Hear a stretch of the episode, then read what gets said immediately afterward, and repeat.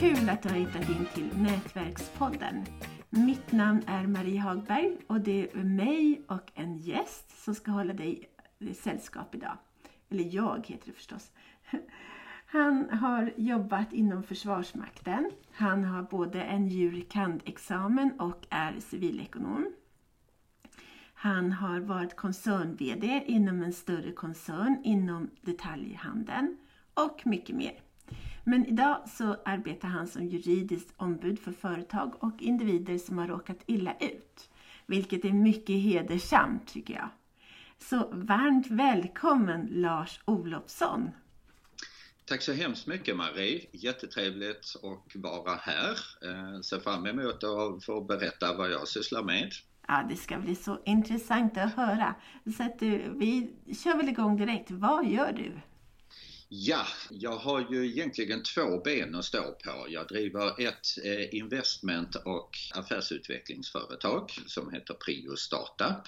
Och sedan så har jag då en eh, juristverksamhet eh, sidan om så att säga. Då. Berätta om juristverksamheten.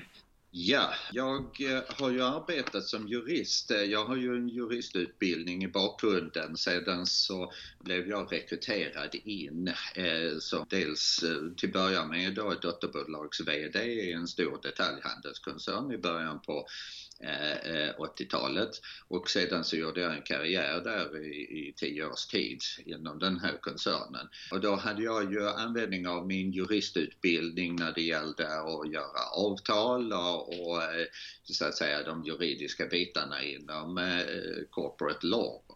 Eh, men sen så från och med ungefär då i början på 90-talet när jag startade min egen verksamhet så har jag haft eh, regelbundet klienter som jag har hjälpt med, det kan vara avtalsfrågor, det kan vara tvistefrågor, det kan vara skadeståndsfrågor.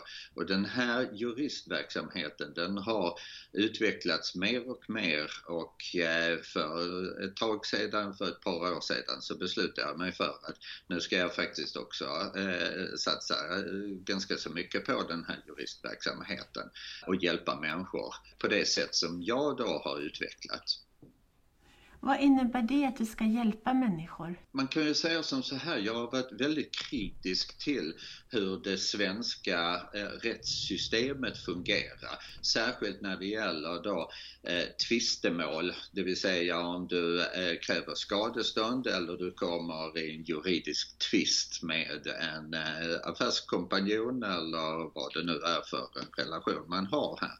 Där är det på det viset att det svenska rättegångssystemet och rättssystemet, det fungerar väldigt, väldigt dåligt. Och det är ganska så anmärkningsvärt att när jag läste juridik då i eh, slutet på 80-talet Eh, eller början på 80-talet så redan då, eh, för 40 år sedan, så var man ganska så kritisk. Inte bara jag utan många jurister tyckte att eh, det svenska systemet fungerade väldigt, väldigt dåligt. Det vill säga, det kostar otroligt mycket pengar att driva en process i eh, rättssystemet om man nu då anser att man eh, har någonting som man behöver få ett skadestånd eller en tvist så att säga då. Och det där har bara utvecklats eh, och blivit sämre och sämre med, eh, med åren. Så att eh, därför så är det på det viset att om du vill ha rätt i en domstol i Sverige idag så är det väldigt, väldigt svårt om du inte har mycket stora resurser bakom dig. Och det är väl det som jag då vill ändra på där. Men vad gör du då, då specifikt? Då är det ju så att om du är advokat och är medlem i Advokatsamfundet, vilket jag inte är då. Om du är advokat så är det så att då måste du ta betalt per timme som du arbetar. Du får inte lov att spekulera i, till exempel som man gör då i USA väldigt ofta, att om det kommer en klient och presenterar ett case där man då eh, kräver ett skadestånd så kan eh, juristen säga som så här att jag kommer inte till att debitera dig någonting. Vi, eh, jag arbetar inte per eh, timme så att säga utan jag får en andel av det skadestånd eller den ersättning som du får antingen i domstolen eller i en förlikningsförhandling. Eh, och det brukar variera mellan eh, 25 och 40 procent ungefär då där. Va? Och det är ju ett system som alltså då inte är tillåtet i Sverige eh, om man är medlem i Advokatsamfundet. Men är man inte det så kan man så att säga då stå sidan om systemet och då har jag då möjlighet att så att säga göra ett annat arrangemang.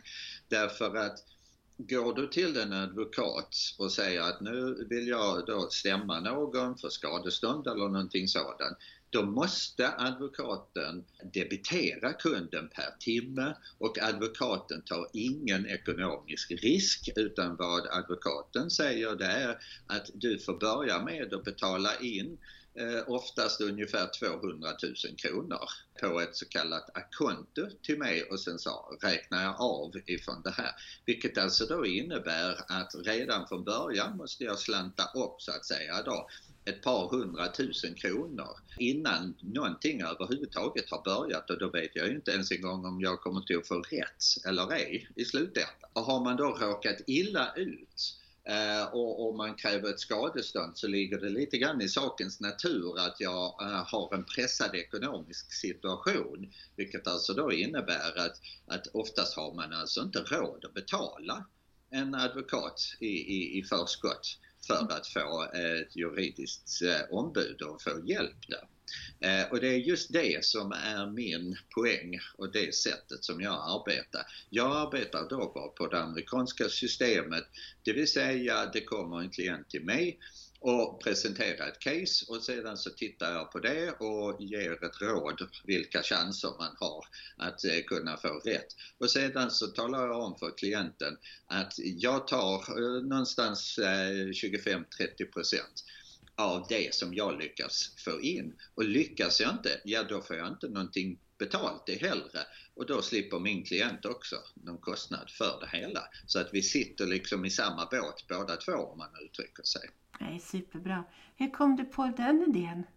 Ja, alltså det här var ju, det, det, är ju inget unikt som jag sa. Det, det, det är ju så som eh, systemet fungerar oftast då i, i, USA då till exempel. Där både jag och flera andra kollegor inom, inom juristbranschen har eh, sagt att eh, den möjligheten borde man faktiskt kunna få eh, för att kunna hjälpa klienterna. Det är inte frågan om att tjäna mer pengar utan det är frågan om att hjälpa klienten i, i klientens svåra situation då. Så att det var väl en inspiration eh, både från USA men även så att säga då diskussioner som jag har haft med, eh, med juristkollegor och sedan så framförallt att eh, se hur systemet fungerar och som jag menar på då är ganska så dysfunktionellt.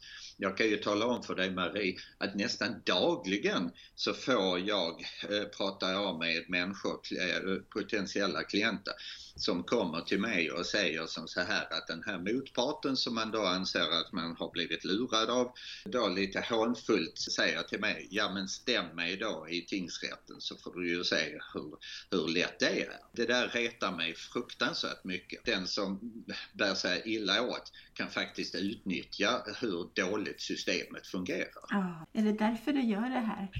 Ja, det är det. Va? Jag, jag har Eh, eh, tycker jag själv i alla fall, ett väldigt stort rättspatos. Det vill säga jag tycker att saker och ting ska vara rätt och riktigt. Och den som har blivit förfördelad och, och har legitima krav på att få en ersättning eller att få rätt Eh, eh, ska också kunna få det. Va? Utan att man eh, måste nu då ha väldigt stora resurser bakom sig. Då, där, va?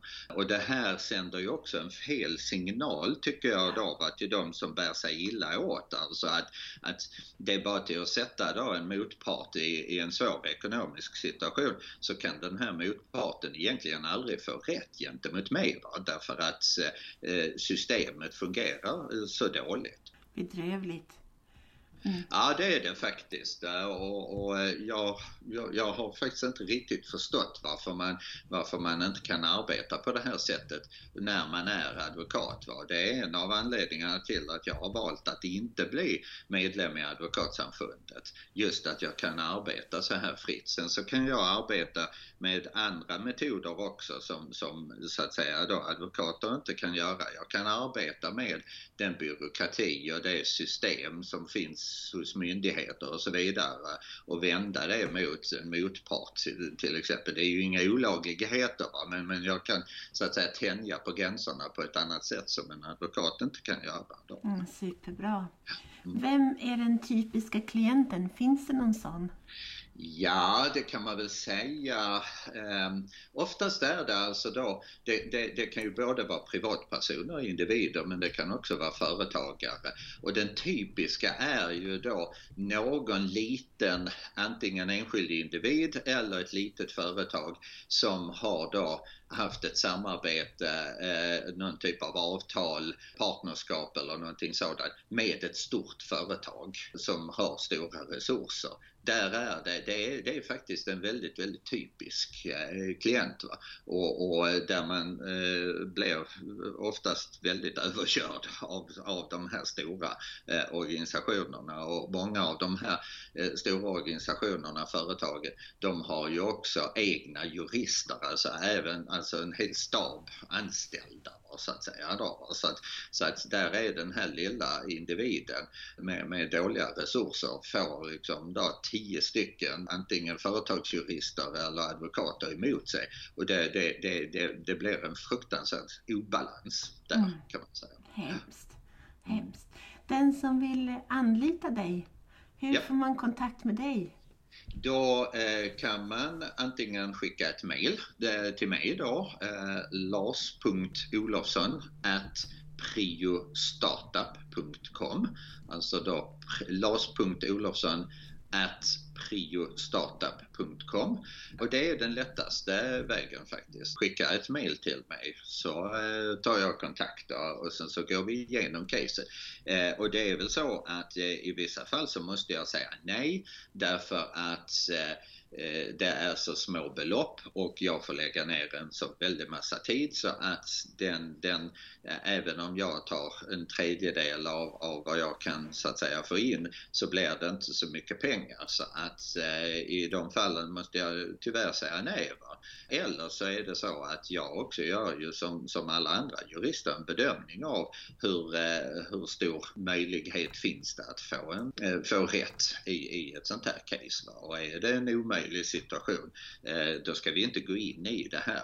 Därför att jag vill inte ge några förväntningar som inte går att uppfylla. Så att säga. Även om jag kan vara väldigt kreativ och, och, och, och i princip har jag nästan aldrig förlorat ett case överhuvudtaget. Eh, av, av alla case som jag har kört nu i, i 25-30 år så har jag aldrig förlorat ett case mm. överhuvudtaget. Vi, vi kanske inte kom så långt som man hade hoppats på men det har aldrig slutat med att, att Eh, mina klienter inte har fått någonting. Det, det har aldrig hänt. Härligt! Ja, men stort lycka till då med, med mm. din verksamhet och ja, tack för att du ville vara med. Ja, jättetrevligt att vara med här. Ja, men, och jag tycker det är underbar idé. Åh, härligt! Tack för tack att du gör så mycket. Tack själv!